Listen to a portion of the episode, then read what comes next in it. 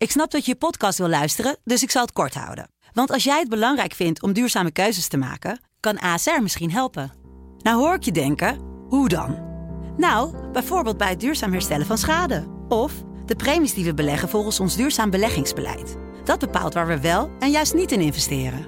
Wil je meer weten over welke duurzame keuzes ASR maakt? Ga dan naar asr.nl slash duurzame keuzes. ASR doet het. Zo, dan kan je nu lekker naar je podcast luisteren. Het is de grootste rechtszaak in Nederland tot nu toe, het Marengo-proces. 17 verdachten, waaronder Ridouan Taghi, staan terecht voor zes moorden en vier moordpogingen. Woensdag was de laatste zittingsdag voor de zomer. Welk bewijs ligt er nu op tafel en wat mankeert eraan? Dat hoort u allemaal in De zaak ontleed met Saskia Belleman. Een podcast van de Telegraaf.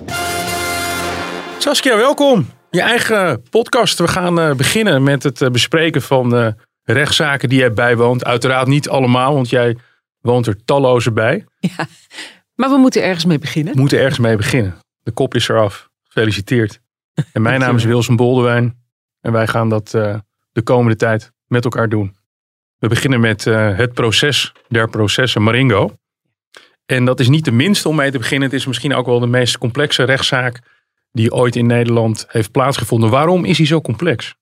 Ja, dat heeft eigenlijk in de eerste plaats te maken met het aantal verdachten. Dat zijn er 17. Dat is ongekend veel. Zoveel hebben we er nog nooit gehad. En het had eigenlijk nog veel meer kunnen zijn. Want er loopt bijna parallel nog een ander proces tegen ook 17 verdachten. Die dezelfde hoofdverdachte heeft eigenlijk, Ridouan Taghi. Maar dat heeft eh, eh, de rechtspraak toch maar besloten op te splitsen in tweeën. Om het nog een beetje overzichtelijk en behapbaar te maken. Ja, ik, ik, ik wil er nog aan toevoegen. Er is een advocaat vermoord. Ja. Er is een broer van de kroongetuige vermoord. Er is een kroongetuige. Ja. Die wordt ook nog eens bijgestaan door Peter R. de Vries. Er zijn drie afzonderlijke rechtszaken waar het eigenlijk over moordcommando's gaat. En we hadden leidinggevende figuren die nog gezocht moesten worden in het buitenland. Ja, dat maakte het allemaal niet eenvoudiger. Dat is een ding dat zeker is. Nee, de naam Ridouan Taghi heeft natuurlijk heel lang boven eh, de markt gezweefd. Eh, hij kreeg allerlei zaken aan zich toegeschreven. Maar wie die man nou was en waar die uithing, dat hebben we heel lang niet geweten. En eigenlijk is zijn naam ook heel lang niet echt bekend geweest bij de politie. Het was een beetje een klein crimineeltje, maar hij raakte een beetje uit beeld omdat hij vertrok naar Marokko. En ja, opsporingsdiensten waren vooral heel erg druk met eh, de polderpenozen, Willem Holleder en consorten. En in die schaduw van die polderpenozen uh, heeft Ridouan Taghi kans kunnen zien om groot te groeien. Ja, er wordt ook gezegd uh, het MH17-proces. Er zijn ook een aantal belangrijke rechercheurs Ja, betrokken om dat te onderzoeken. En dat is ook weer ten koste gaan, gegaan van hem. precies. Dat is toch een beetje het probleem. Hè? Dan pak je de dingen die meteen eh, voor je liggen, zoals een MH17-proces. Nou ja, dat is duidelijk. Daar moet onderzoek naar worden gedaan. Dat vereist enorm veel capaciteit. Ja, en capaciteit kun je maar één keer inzetten. Eh, mensen kunnen niet drie onderzoeken tegelijk draaien. En dus ging het, eh, ging het daarop mis. Eh, daardoor bleef Ridouan Taghi heel lang onder de radar. De naam Maringo, Mhm. wie heeft die naam verzonnen en waar staat het eigenlijk voor? Nou, eigenlijk is het de computer die die naam verzonnen heeft. En dat is met opzet. De meeste zaken worden gegenereerd door een computer, de meeste namen. Om te voorkomen dat er allerlei gedoe ontstaat. Eh, zo is er ooit eens een keer een witwasonderzoek geweest, dat heette OMO. Dat vond de wasmiddelenfabrikant niet zo leuk. Eh, er is een keer een, eh, een onderzoek geweest naar loesje handelaartjes en een eigenaar van een snackbar. Dat heette onderzoek kipkluif. Vond de snackbarhouder weer niet zo leuk. Allemaal Dus, eh, door die computer. Precies. Nee, nee, nee, die juist niet. Oh, die juist waren, niet. die waren gekozen door, eh, door politiemensen die ja, gevoel voor humor hadden. Dus die dachten leuk, dat plakken we erop. Het onderzoek naar Holleder, dat heette oorspronkelijk de neus. Ja, dat vond men toch eigenlijk bij nader inzien ook niet zo gepast. Het is weliswaar zijn bijnaam. Hij noemt zichzelf ook zo. Maar het is misschien toch beter om te kijken naar gewoon namen nou, die eigenlijk nergens op slaan. Nou, dan krijg je dus soms onderzoeken die heten eh, bloemkool of zuurkool. Of ehm, ze zijn in, in de bloemensfeer en dan heten ze narcis of tulp. Het heeft allemaal niks te maken met het onderzoek. Marengo, dat is de naam van het paard van Napoleon. Het is ook de naam van een, een, een stofsoort, textiel. Eh, en het is de naam van een, eh, een plaats in Italië waar Napoleon de slag om Marengo in 1800 eh, heeft gevoerd. Ja, en dat eh, heeft uiteindelijk geleid tot deze naam. Maar het heeft dus niks met de vergelijking tussen Napoleon en Taghi te maken. Woensdag is de laatste zittingsdag voor de zomer van dit megaproces.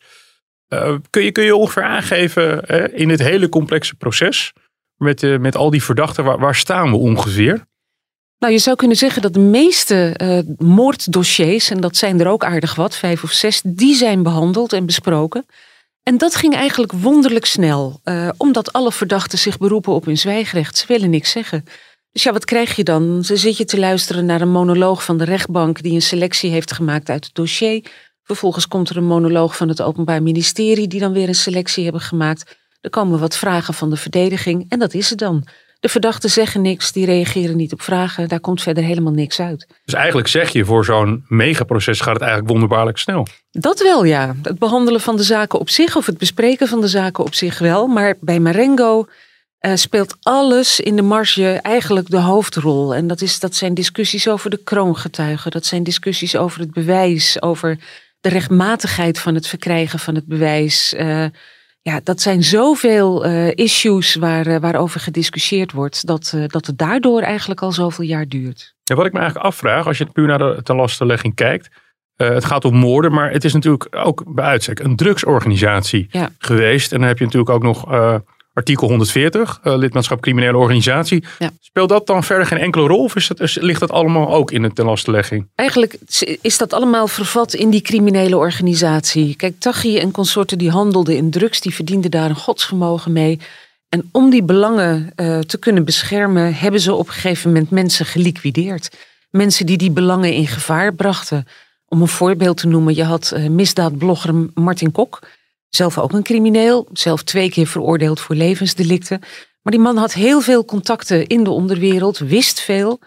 En die zette op een gegeven moment een website op, die heette Vlinders Crime. Ook wel grappig, Vlinders was de escort service die hij vanuit de gevangenis runde.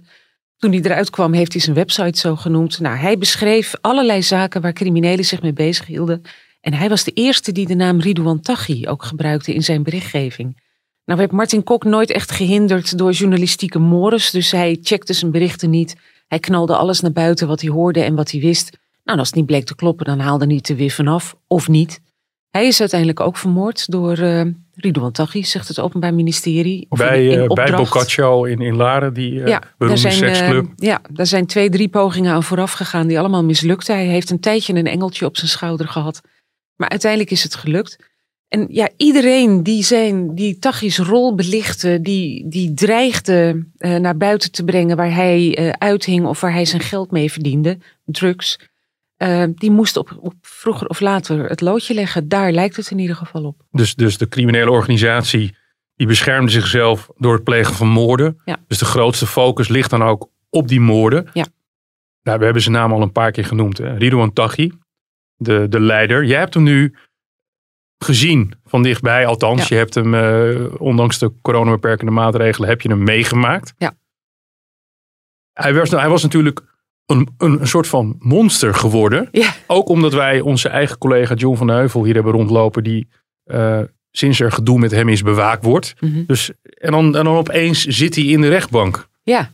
Ja, dat is heel gek. En dat was ook een uh, moment waar we heel erg naar uitkeken. Er zijn heel veel zittingen geweest in de inleidende sfeer waar hij niet kwam opdagen. En ja, wat dan gebeurt, hè, dat, dat de mythe steeds groter wordt. En dat je je ook een beeld vormt in je hoofd dat steeds groter wordt. En daar kwam dan opeens een ja, hele, hele kleine meneer binnenlopen. Die een beetje nonchalant in zijn stoel hing. Die eigenlijk niet van plan was om heel veel te zeggen. En ja, die een beetje om zich heen keek met zo'n blik van: ik weet niet wat ik hier doe, maar uh, leuk dat jullie er ook zijn.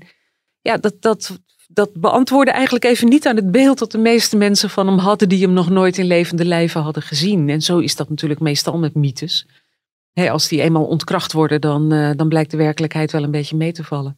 Wat was jouw indruk van Ridouan Taghi als je me zo zag? Je zegt, je gebruikt het woord nonchalant, maar de man moet wel bepaalde skills hebben gehad om die organisatie te runnen. Dat hij meedogenloos was, nou dat, ja. dat leidt geen twijfel. Maar hij moet wel het moet, geen domme man zijn in, in bepaalde opzichten. Nee, dat is hij ook zeker niet. En hij, uh, hij heeft natuurlijk alle tijd gehad om in de schaduw uh, groot te worden. Hij uh, was vroeger een van de leden van Bad Boys. Dat was een, een jongere bende in Utrecht die de straten onveilig maakte.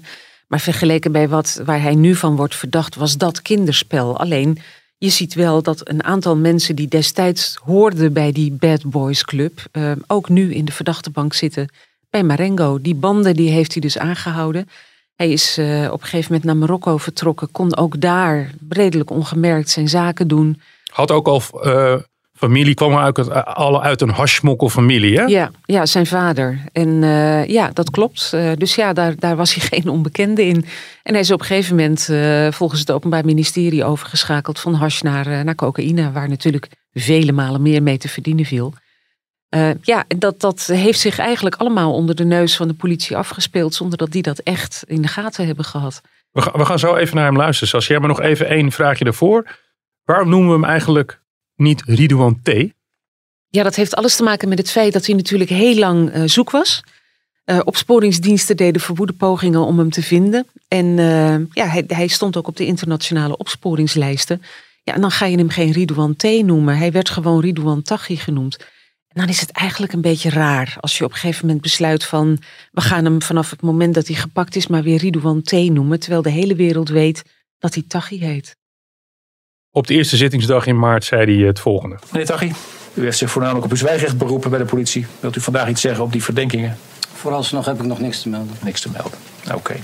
Dat was het. Saskia. Ja, vooralsnog, had hij, vooralsnog had hij niets te melden. Later zei hij wel iets meer. Ja. Dat ging met name over de kroongetuigen gaan we het zo uh, over hebben. Wat wel heel duidelijk van hem werd, leek het erop alsof de man was, is die zich al een beetje verzoend heeft met zijn lot. Nou ja, hij heeft letterlijk gezegd, ook tegen zijn verhoorders, geef mij maar gewoon levenslang. En dat hele circus eromheen is niet nodig. Doe me maar gewoon levenslang. Ja, ik neem aan uh, dat hij dat niet echt meent. Hij heeft tenslotte ook een advocaat in de arm genomen en die vecht hard voor hem. Uh, als hij echt zou denken van nou geef mij maar levenslang en laat dat hele circus achterwege, dan zou ik zeggen doe gewoon helemaal niet mee. En dan weet je zeker dat je het krijgt waarschijnlijk. Maar dat, dat is dus ook niet aan de orde. En ja, je merkte inderdaad aan de manier waarop hij de kroongetuigen tegemoet trad, dat het hem toch meer doet dan die het, uh, dan die het doet voorkomen. Um, hij heeft inderdaad in eerste instantie het zwijgen ertoe gedaan. Dat doet hij ook bij het bespreken van al die moorddossiers. Maar op de allereerste dag van het Marengo-proces is hij enorm tekeer gegaan tegen Nabil B., de kroongetuige. Die behoorde vroeger bij de organisatie van Taghi. Die heeft ook moorden op zijn geweten, die heeft daaraan meegewerkt. En die is op enig moment overgestapt naar de kant van justitie. En wordt dus door de organisatie van Taghi en de medeverdachten gezien als een verrader. Nou, dat bleek ook wel, dat Taghi hem ook zo ziet. Die schold hem uit voor pathologisch leugenaar en fantast. Uh, die ging behoorlijk tekeer tegen hem. Zei ook van, jij beweert dat je deel uitmaakte van een organisatie, maar ken je eigenlijk überhaupt iemand die hier in de zaal zit? Hebben wij ooit contact gehad met elkaar? Hoe weet je dat opdrachten die ik zou hebben gegeven van mij afkomstig waren? Stond mijn naam er soms boven? Dus die ging behoorlijk tekeer. En ja, de kroongetuige was die dag behoorlijk nerveus, dat kon je merken. Hij sloeg regelmatig op hol, hij, hij sprak heel snel. Um, dat vond hij moeilijk, dat kon je merken. Dus Ridouan Taghi ging van een iemand die eerst een beetje nonchalant deed, kwam wel degelijk interactie. Ja. We gaan even door op die kroongetuigen, maar wat ik nog van jou wil weten, voor zover je het in de coronamaatregelen hebt kunnen zien. Hoe, hoe gingen de andere verdachten om met Taghi? Want jij hebt Taghi eigenlijk zelf nooit echt goed kunnen zien, hè? Nou, je ziet hem voornamelijk op de rug. Op het moment dat hij binnenkomt, zie je hem even. En meestal kijkt hij dan wel even zo de zaal in. Maar dan gaat hij op een gegeven moment naast zijn advocaat zitten. En wij zitten een heel eind daarachter. Echt veel meters daarachter. En dan ook nog achter glas. Uh, dus ja, als ze al iets tegen elkaar zeggen, als de microfoons uitstaan, dan kun je dat niet horen. Maar je ziet wel dat er hier en daar blikken van verstandhouding worden gewisseld. Uh, er wordt niet uitgebreid gesproken. Maar er worden wel begroetingen uitgewisseld. Ja, ze worden verder natuurlijk angstvallig uit elkaar gehouden. Ze zitten ook allemaal uit elkaar in gevangenissen, niet in dezelfde gevangenissen. Dat is iedere dag een, een iedere zittingsdag een onvoorstelbaar logistieke operatie. Moet overal en ergens vandaan komen. Ja, precies. En dan worden ze allemaal aangevoerd met uh, beveiligde konvooien, met meerdere auto's. Uh, die met zwaailichten op en met een bloedsnelheid over de wegen rijden. Nou, boven die bunker in Osdorp, uh, Amsterdam-Osdorp, waar het proces dient, hangen op zo'n moment helikopters. Er hangen drones in de lucht. Er staan zwaar bewapende politiemensen die helmen op hebben, gemaskerd zijn en met automatische geweren rondlopen. Ja, het is heel on-Nederlands om te zien. Is dat ook een beetje show of force of houdt justitie wel degelijk rekening dat er buiten mensen rondlopen die nog in staat zijn om hem te bevrijden. Daar houdt justitie wel degelijk rekening mee. Kijk, en het feit dat de broer van de kroongetuige en ook diens advocaat zijn vermoord, geeft al aan dat je met deze jongens niet moet spotten. En dat je ze vooral niet moet onderschatten. En ja, wat ook wel een, een signaal is, uh, dat zegt Tachi trouwens als voorbeeld van waarom hij onschuldig is. Uh, de moorden zijn gewoon doorgegaan. Er zijn ook na de aanhouding van Tachi nog steeds moorden gepleegd. Ja, je kunt natuurlijk zeggen, die stuurt hij aan vanuit de cel, maar daar is niet echt een bewijs voor tot nu toe. Dus ja, de, de, de, zeg maar, de organisatie bestaat nog, die is niet verdwenen. Nabil B., dat is de kroongetuige. Ja. Uh, dat is een jongen die bij die groep hoorde, uh, betrokken is geweest bij een moord op mm. Hakim Changashi ja. in Utrecht. Uh, wroeging kreeg, kreeg, maar ook die, de familie waar die jongen toe behoorde, was ook, om, even, om het even op een straatmanier uit te drukken, geen makkelijke familie. Nee. Dus hij kwam eigenlijk een beetje tussen de wal en het schip. Ja. En hij besloot om over te stappen naar uh, justitie. Ja. Het was ook een, een foute, een vergismoord. Hè? Ja, een rotwoord, maar zo noemen we dat nou eenmaal tegenwoordig. Hakim Shangazi was het doelwit helemaal niet. Die is per ongeluk vermoord, maar een crimineel die in dezelfde flat woont en waarschijnlijk ook in hetzelfde type auto reed, die is uiteindelijk het slachtoffer geworden. Kun je ook zien hoe knullig het soms gaat. Hè? Dat die schutters die worden aangestuurd en die schieten dan gewoon de verkeerde dood. Nou, um, Nabil B. is op enig moment naar de familie Changazi gegaan om op te biechten wat zijn rol daarin was. Omdat hij bang was voor uh, de wraak van die familie. En die heeft ook gezegd dat uh, Ridouan Taghi erachter zat. En hij wist vanaf dat moment, ja, ik, ik ben uh, uitgespeeld. en aangeschoten wilt, het precies. kan nu van twee kanten komen. Het kon van twee kanten komen en dus heeft hij besloten om over te lopen naar justitie. In een ontzettende grote en complexe en gevaarlijke rechtszaak besloot hij om kroongetuige te worden. En um, op het moment dat het nieuws naar buiten kwam, eigenlijk uniek in Nederland, een week daarna. Ja, werd zijn broer vermoord. Werd zijn broer vermoord. Ja. Ja, die broer die had uh, voor zover wij weten nergens iets mee te maken. Die had een bedrijf in Amsterdam-Noord. Daar is een man naar binnen komen lopen die beweerde tegenover de receptioniste dat hij een sollicitatiegesprek had. Hij is naar boven gelopen en hij heeft de broer doodgeschoten. En uh, ja, die man die is inmiddels veroordeeld. Zoals je dat wel vaker ziet. Dat degene die de uiteindelijke moord plegen wel gepakt worden en worden veroordeeld. Maar wie daarachter zat, dat was natuurlijk lange tijd, uh, ja, dachten wij uh, te weten. Maar de, de man die erachter zat en die ervan verdacht werd, die was toen nog spoorloos. Jurendi S., ja. uh, de dader, heeft nooit een verklaring afgelegd. Hè? wie de opdrachtgever was. Nee, hij heeft wel gezegd dat hij opdracht kreeg. En dat hij ook eh, heel sterk het gevoel had dat hij dat niet kon weigeren. Maar hij heeft de rechtbank nooit willen uitleggen waarom dan niet. Ook niet willen zeggen wie zijn opdrachtgever was. Ja, en dat tekent eigenlijk al dat soort zaken. Uh, van schutters die uiteindelijk voor de rechter terechtkomen. Die durven niet te zeggen van wie ze de opdracht hebben gekregen. Omdat ze banger zijn voor hun opdrachtgever dan voor justitie. Ze gaan liever jarenlang de bak in dan dat ze dat onthullen. En dat maakt het in een notendop ook zo lastig om georganiseerde misdaad te bestrijden. Omdat Precies. er een afstand staat tussen de opdrachtgever en de uitvoerders. En eigenlijk is natuurlijk de enige methode uh, om een kroongetuige in te zetten. Iemand die komt uit die organisatie, die meer weet dan anderen, die erbij betrokken is geweest. Dus ja, er is heel veel kritiek op het inzetten van kroongetuigen. Maar je zou kunnen zeggen, dit soort dingen los je ook niet op zonder.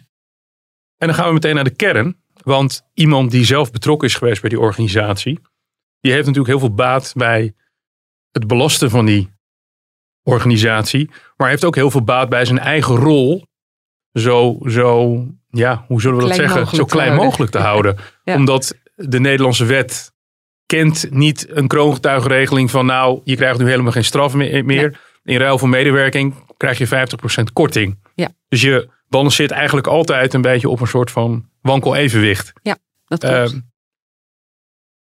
hoe, hoe, hoe dat gaat, laten we even naar een uh, fragment luisteren van, van een van de verdachten. Mohamed R.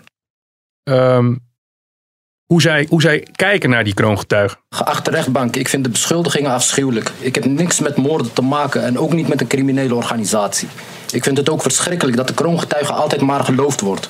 U heeft kunnen zien hoe de officieren er ook altijd alles aan doen om hem te redden met zijn leugens. Ze zijn zich allemaal rot geschrokken dat ik heb kunnen aantonen dat de kroongetuige gelogen heeft wat betreft de moord op Ranko Skekic. Omdat ik toen in de sportschool zat en een alibi heb. En kijk eens hoe zij totaal in paniek zijn geraakt om de leugens van de kroongetuige recht te breien. Maar ik heb slecht nieuws voor ze. Ik was niet op de Kreta-dreef. Ik heb niks te maken met die moord. Ja, Saskia, dit is wat je krijgt. Ehm, Ja.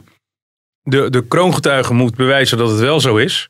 En de verdachte zal er alles aan doen om te zeggen dat het niet zo is. Ja, ja, en wat bij deze verdachte dan ook nog een rol speelt, is dat hij vroeger heel goed bevriend was met, eh, met de kroongetuige, met Nabil B.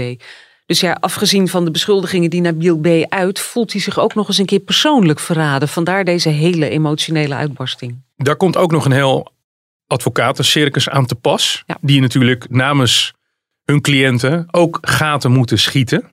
In die, eh, want anders houdt het eigenlijk heel snel op. Om we weten uit een eerdere rechtszaak, passage onder andere, dat een kroongetuige een heel waardevol instrument is. Iemand van binnenuit die organisatie die kan verklaren. Het is eigenlijk best moeilijk om je daartegen eh te wapenen. Ja, dat is ook zo. Aan de andere kant, en dat voeren natuurlijk de, verdachte, of de advocaten van de, van de andere verdachten aan. Ehm, die, die bezigen ook graag het woord kroonleugenaar eh, of koopgetuige. Want ja, er is iets te winnen hè, voor een kroongetuige. Door naar justitie over te stappen kun je dus een halvering van je straf krijgen. Je krijgt een nieuwe identiteit, je krijgt de mogelijkheid om een nieuw leven op te bouwen. Je moet je er niet zoiets bij voorstellen als je ziet in Amerikaanse films dat kroongetuigen vervolgens op het strand van Malibu liggen, cocktails drinken de rest van hun leven. Eh, en dat ze er niets meer voor hoeven te doen. Maar ze worden wel in staat gesteld om een nieuw leven op te bouwen. Dat kost geld, maar het is niet zo dat ze een zak met geld meekrijgen. Althans, officieel mag dat niet, volgens de kroongetuigenregeling. Er is veel discussie dat eh, Nabil B. een telefoon, hè, de kroongetuige had een telefoon. Daarop is berichtenverkeer eh, geweest, heen en weer. Onder andere zijn vriendin, maar ook met zijn familieleden. En afgelopen week bleek dat hij had gezegd: Ik ga het Openbaar Ministerie Uitzuigen. uitzuigen. Ik ga er zoveel mogelijk uithalen. Ja. Nou is dat enerzijds te snappen, want je broer is vermoord. Ja. Alleen, ehm, wij willen natuurlijk wel dat die, dat die kroongetuige naar eer en geweten handelt. En dat conflicteert dan een beetje met, Ja. ik ga ze uitzuigen. In welke context hebben we dat moeten zien eigenlijk?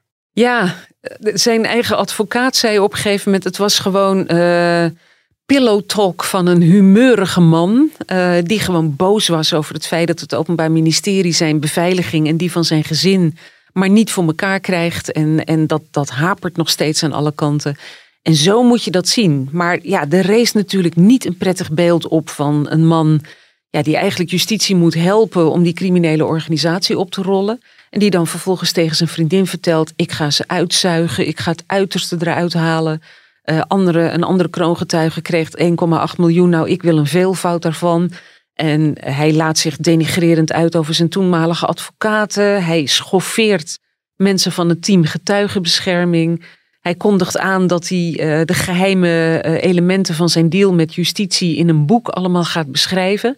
En dan zegt hij, nou, ik ga niet eens een boek schrijven, ik ga een trilogie schrijven. En daar gaat dat boek van Astrid Holleder bij verbleken.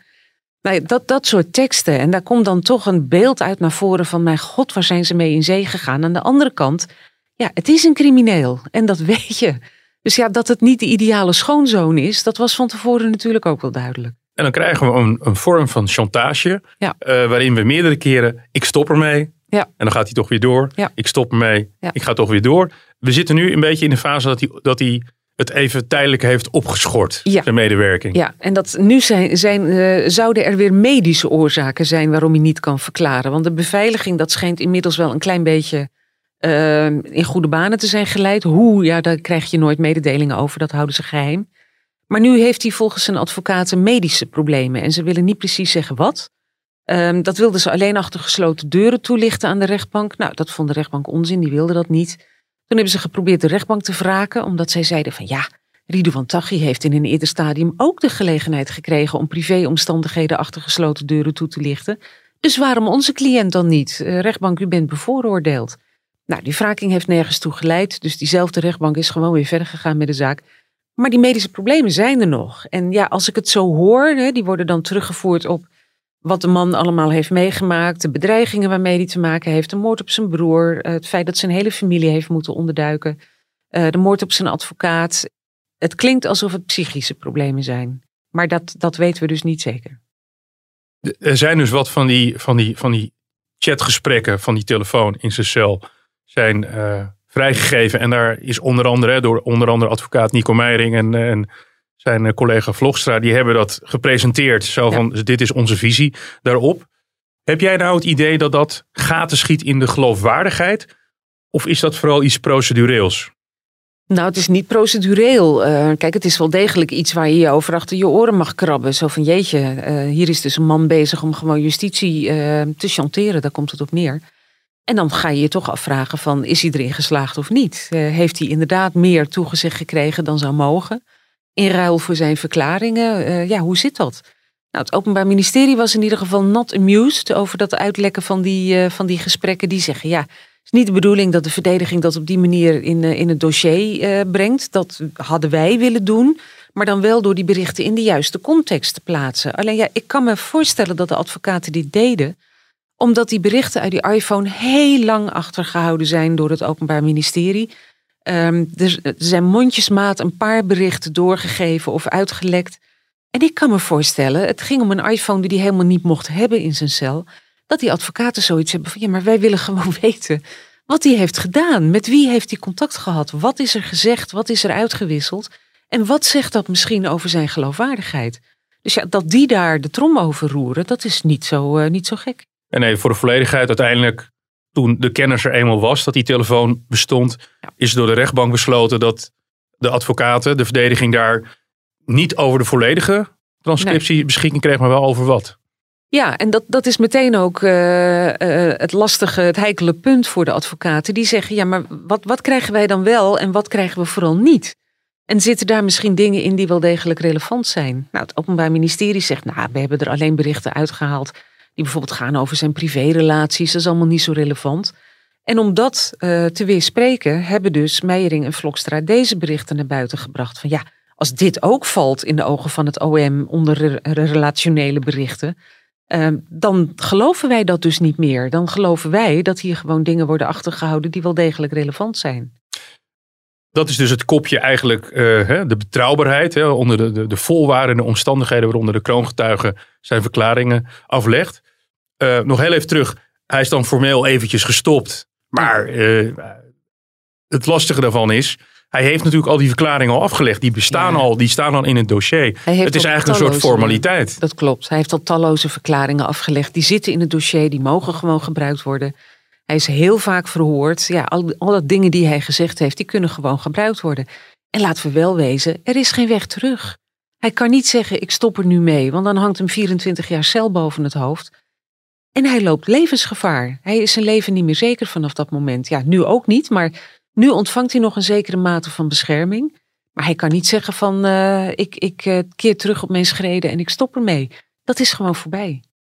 Dat is, het, uh, dat is Nabil B. Een ander bewijs tegenwoordig, Saskia, in, in, in dit soort grote processen zijn de zogenoemde pretty good privacy telefoons. We worden kapot gegooid met hacks van PGP-servers, waardoor alle geheime chat tussen onderwereldfiguren opeens openbaar werd. Het gaat al in deze complexe zaken, dat woordcomplex blijven we herhalen, om 900.000 ontsleutelde berichten. Dat is het verkeer tussen de Tachi-organisatie van de mannen onderling. Ja, dat, uh, dat zegt het Openbaar Ministerie wel. Wij hebben natuurlijk nog lang niet al die berichten uh, gehoord, maar wel een deel. Um, ja, en dat, uh, dat zijn berichten die ze elkaar gestuurd hebben in de veronderstelling dat niemand kon meelezen. Die moest je met speciale BlackBerry-telefoons, uh, kon je die met elkaar uitwisselen. Nou, die berichten waren versleuteld. En ze hebben jarenlang in de veronderstelling geleefd dat ze gewoon moeiteloos konden communiceren met elkaar. Nou moet je je niet voorstellen dat dat allemaal hele openlijke uh, plannen maken, rijtjes waren van we gaan nu die omleggen en nu die. Uh, het werd wel in bedekte termen gedaan. Het woord vegen Bijvoorbeeld. Komt wel eens terug. Ja, of slapen. Nou, dan, uh, dan weet je wel zo ongeveer wat ermee bedoeld wordt. Uh, slapen was dan wel vergoed slapen. Uh, dus ja, er werd, er werd heel veel in, in een beetje wollige taal gesproken, in straattaal ook. Maar ja, er is volgens het Openbaar Ministerie heel veel uit te halen waar toch wel degelijk bewijs in zit van uh, betrokkenheid bij moorden. En ja, waar natuurlijk de, de advocaten van de verdachte heel erg op inzoomen is wat weten wij niet? Welke berichten zijn er niet verstrekt? Ehm, is er ook gekeken naar ontlastend bewijs? En wie zegt nou dat met deze bijnaam mijn cliënt wordt bedoeld? Dus dat wordt continu uh, wordt dat aangehaald. En ook worden er voortdurend vraagtekens geplaatst bij de rechtmatigheid van het verkrijgen van, van dit PGP-bewijs. Ja, het is natuurlijk voor het Openbaar Ministerie een goudmijn, die, uh, die berichtenwisselingen via Pretty Good Privacy telefoons. Uh, want we hebben de afgelopen jaren natuurlijk gezien dat er meerdere servers um, zijn, zijn gehackt, opgerold. Berichten zijn ontsleuteld. Nou, ik denk dat justitie nog jaren vooruit kan met allemaal grote zaken. En we hebben pittige veroordelingen zijn er ook al geweest. Gehad, ja. neem, neem de zaak uh, Noffel. Ja, die is tot levenslang veroordeeld. Uh, Mede eerst... dankzij die, die PGP-berichten. Precies, ja. Waar het ging over de bolle en de dikke. Waarvan hij lang heeft volgehouden dat hij dat niet was. Uh, maar goed, dat was bijna niet meer, uh, niet meer te bestrijden. Uiteindelijk kon, kon de recherche onomstotelijk vaststellen dat het om hem ging. Ja. Nog heel even terugkomend op ehm, de context van die berichten. Mm -hmm. En jij zei misschien wel ontlastende zaken die dan misschien weggelaten zijn. Ines Wesky, de advocaat van de Ridouan Taghi, die zei bij een vandaag daar het volgende over. Berichten uit een enorme grabbelton die ooit in beslag is genomen. En waarvan vervolgens door het Openbaar Ministerie een paar zijn uitgehaald.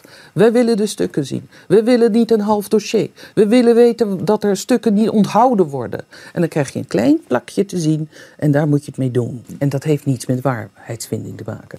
Ja, daar heeft ze op zich natuurlijk wel een punt. Hè? Het is inderdaad een enorme grabbelton met waanzinnig veel berichten. En wat ze eruit halen, ja, je weet niet precies in welke context dat nou precies gezegd is. Of er daarvoor of daarna nog iets is gezegd wat misschien toch een ander licht werpt op de zaak. Dus ik, ik kan me wel voorstellen dat die advocaten daar meer over willen weten. Alleen ja, het is natuurlijk in de meeste zaken zo dat het Openbaar Ministerie een dossier oplevert met bewijs. En dan is het aan de verdachte of, en, en aan hun, eh, hun verdediging om dat te ontkrachten. Je kunt nooit, nooit, nooit al die berichten gaan doorploegen. En over al die berichten een discussie gaan voeren. Want dan zitten we over twintig jaar nog in die zaal. We krijgen dan eigenlijk wel, als je het heel theoretisch bekijkt. Uh, Saskia, en jij, bent, uh, jij hebt de rechten gestudeerd. Mm -hmm. Jij bent meester in de rechten. Krijg je dan toch niet een soort rechtsongelijkheid dat je een openbaar ministerie met een politieapparaat erachter. Ja. Versus een advocaat die natuurlijk uh, paralegals heeft uh, op kantoor om te helpen. Maar ja. als we over deze omvang van berichten praten, is het bijna niet te doen. Nee, en dat, dat wordt ook regelmatig aangevoerd door de advocaten die het iedere keer hebben over van er is hier geen sprake van equality of arms. Uh, met gelijkwapende strijden. En dat is wel wat de wet voorschrijft, dat dat moet. En dat klopt ook. Uh, kijk, als je, als je bijvoorbeeld uh, de afgelopen dagen hoorde hoe Meijering en Vlokstra die berichten uit die iPhone van Nabil B. moesten bekijken, dan mogen ze niet een opnameapparaatje meenemen. Ze mogen niet foto's maken van uh, die teksten die op papier staan. Ze moesten alles met een potloodje en een notitieblokje overschrijven. Ja, dan is het Openbaar Ministerie overduidelijk dik in het voordeel. Die hebben natuurlijk ook een Nederlands Forensisch Instituut. Die hebben recherchedeskundigen en allerlei organisaties die ze kunnen inschakelen. Uh, om mee te helpen dat dossier op te bouwen. En dat zijn middelen die die advocaten echt niet hebben. We zitten dus uh, bij die zomerpauze. Kun je nog heel even, want we hebben het in het begin over gehad. Mm -hmm. Waar we nu staan en waar we naartoe gaan. Nou, we hebben uh, de meeste moorddossiers behandeld. die zijn besproken. Alleen ehm, zonder dat bijvoorbeeld in een aantal moorddossiers... waar de kroongetuige zelf bij betrokken was als verdachte Um, zonder dat hij daarover gehoord is kunnen worden en zonder dat hij daar dingen over heeft, heeft gezegd. Nou heeft hij er wel bij gezeten. Dus ja, als verdachte had hij natuurlijk dingen kunnen zeggen, maar hij heeft ervoor gekozen dat niet te doen. Maar de verdediging van de verdachte wil natuurlijk ook die kroongetuigen aan de tand voelen over zijn getuigenverklaringen. Die belastend zijn voor hun cliënten. En die mogelijkheid hebben ze nog onvoldoende gehad. Dat moet sowieso nog gebeuren. Uh, dan moet wel dat, dat issue over veiligheid en ook de medische toestand van Nabil B. Uh, zijn opgelost. Uh, anders zie ik dat voorlopig niet gebeuren. Maar goed, we hebben nu een paar maanden pauze. Je zou kunnen zeggen, dan, uh, dan kan Nabil B. een beetje op adem komen. En kan hij misschien, als dat nodig is, behandeld worden. En dan kunnen we in september misschien met frisse moed weer verder. We hebben het er net over gehad dat Tachi waarschijnlijk ervan uitgaat dat hij levenslang krijgt. Ook al begint ja. hij wel wat meer te praten dan zijn aanvankelijke stilte. Denk jij dat die Tachi-organisatie nog bestaat? Dat er nog steeds sprake is van inkomsten? Ja, ik kan dat natuurlijk niet met zekerheid zeggen, maar ik heb het idee van wel. En als het al niet de TAGI-organisatie is, dan is de, de TAGI-organisatie inmiddels alweer vervangen door een ander. Dus we moeten niet de illusie hebben dat met het oppakken van TAGI en met deze verdachte uh, de georganiseerde criminaliteit is opgerold. Uh, dat zou naïef zijn, uh, want die is er. En die, die drugshandel, dat zien we eigenlijk dagelijks, gaat gewoon verder. Er komen containers vol met drugs via de Rotterdamse haven het land binnen, ofwel voor zeg maar de gebruik in Nederland, of om te worden verscheept, doorverscheept naar andere landen. Dus ja, het feit is gewoon dat wij een doorvoerhaven zijn voor drugs. Uh, dat er onvoldoende ehm, inzet is om daar, om daar een antwoord op te geven. Dat mensen die daar actie tegen ondernemen worden bedreigd en moeten worden beveiligd, zwaar moeten worden beveiligd. Ja, want wat ik daar eigenlijk nog over wil zeggen. Die dreiging, je zou kunnen zeggen, Tachi is onveilig, is, is, is veiliggesteld. Die kan geen orders meer uitdelen. Nee. Maar, maar de dreiging blijft wel naar alle, iedereen die er mee te maken heeft. Advocaten Ja. van de kroongetuigen, officieren van justitie, de rechtbank. Ehm, men gaat ervan uit dat die dreiging nog steeds substantieel aanwezig is. Ja, en dat kun je ook merken aan het feit dat eh, wij bijvoorbeeld nog steeds eh, journalisten worden gevraagd om niet de namen van de officieren van justitie te noemen, om niet de namen van de rechters te noemen. Nou, dat is ongebruikelijk, dat hebben we altijd wel gedaan, maar in dit geval gaat het om, eh, om veiligheidsissues. Ja, en in deze zaak kun je je dat natuurlijk wel voorstellen. We hebben gezien dat, eh, dat een advocaat vermoord is. Ja, dat is ongekend geweest in de Nederlandse geschiedenis. Dus dat heeft iedereen enorm aan het schrikken gebracht. En we zien ook dat ondanks het feit dat die organisatie van Tachi nu misschien voor een deel in het verdachtebankje zit, de drugshandel gewoon doorgaat en floreert. Eh, De misdaad gewoon doorgaat en floreert. Het spoelt ons echt over de schoenen. We zijn ongeveer eh, tien jaar bezig geweest met liquidatiezaak Passage. Ja. Ik weet niet wanneer jij met pensioen gaat. Maar ben jij de komende tien jaar nog bezig met... als je ook alle processen hieromheen neemt. Ja. Hè? Hè, er is ook nog eh, een eh, Rico de Chileen. Ja, eh, is die hieraan gelieerd is. Ja. Die is wel inmiddels Ja. veroordeeld. Maar er kan nog heel veel bij komen. Voordat we die, die basis van, van, van Marengo. Ja. Dat, dat zal toch nog wel 2030 zijn voordat we hier helemaal mee klaar zijn. Nou, ik weet het niet. Marengo, dat, dat loopt in ieder geval nog door tot in 2022. Eh, maar juist omdat die verdachten zo weinig zeggen, denk ik toch dat het misschien wat sneller gaat dan Passage. Daar hebben ze natuurlijk ook wel van geleerd. Dat wil niemand nog een keer. Dat heeft tien jaar geduurd. Dat was echt verschrikkelijk. Ehm, maar goed, er komt daarna natuurlijk ook weer een hoger beroep. En er komt waarschijnlijk ook een cassatie. Dus we zijn er voorlopig nog niet vanaf. En ook niet aan al die zaken die daaraan gelieerd zijn. Of die weer voortvloeien uit al die nieuwe ontsleutelde berichten die, eh, die de politie nu in handen heeft. Dus nee, wij zijn eh, als rechtbankverslaggevers eh, voorlopig nog wel even zoet hoor. Saskia, je bent voorlopig eh, nog niet werkloos. Denk het niet. Dankjewel.